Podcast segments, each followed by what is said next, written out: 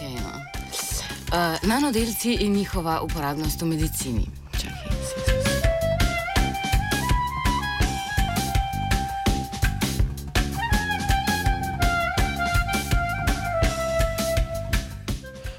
Slovenska raziskovalna skupina z Fakultete za farmacijo je v znanstveni reviji Carbohydrate Polymers objavila rezultate študije, v kateri so primerjali lastnosti različnih nanodelcev. Med navidez podobnimi so izstopali nanodelci, ki imajo zaradi svojih specifičnih lastnosti potencial za uporabo v medicini.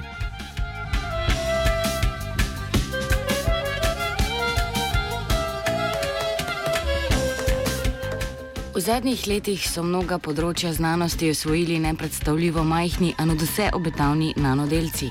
Možnost priprave delcev velikost nekega razreda 10 na minus 9 je prinesla velik napredek tudi v zdravljenju bolezni. Zdravilo v obliki nanodelcev namreč bolj natančno in tarčno doseže mesto delovanja. Zdravilne učinkovine lahko zapakiramo v nanodelce tudi zato, da se izognemo encimski razgradnji zdravila v prebavnem traktu in krvnem obtoku ter neželenim učinkom.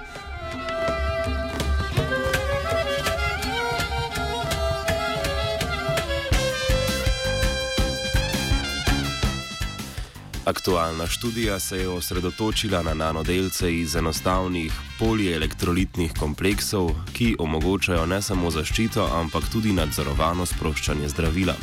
Znanstvenici in znanstvenik so med seboj primerjali nanodelce, ki so nastali iz različnih spojin s pozitivnim in negativnim nabojem.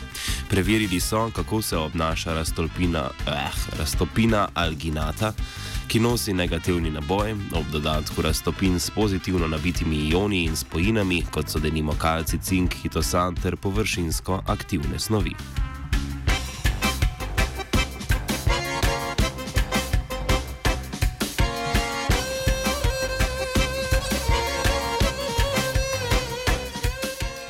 Vsi preučevalni gradniki nanodelcev so telesu lastne ali biokompatibilne spojine. Dogajanje različno koncentriranih raztopin je bilo izvajano ob konstantnem mešanju v vodnem mediju ali v raztopini soli.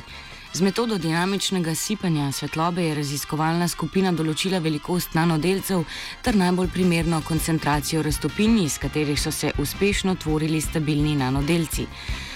Z izotermalno titracijsko kalorimetrijo pa so potrdili, da so se nanodelci tvorili skoraj spontano, torej da je bil proces energijsko ugoden.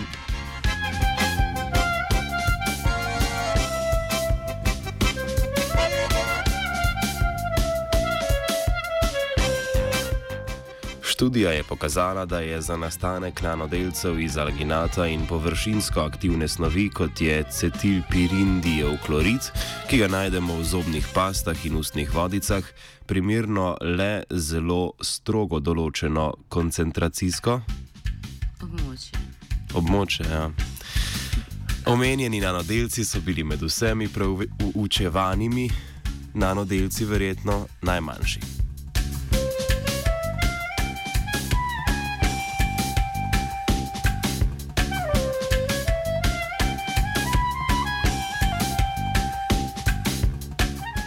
Znano je, da imajo površinsko aktivne snovi, med katere preštevamo razne konzervance, antiseptike in mila, posebno lastnost, da omogočajo mešanje vode z maščobo.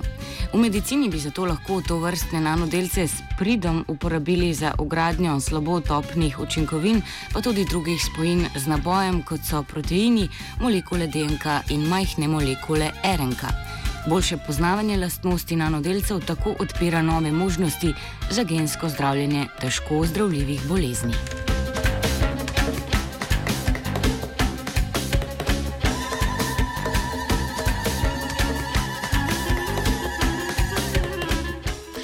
Ob 7 in 10 je od 10 na minus 9 razmišljala Andreja.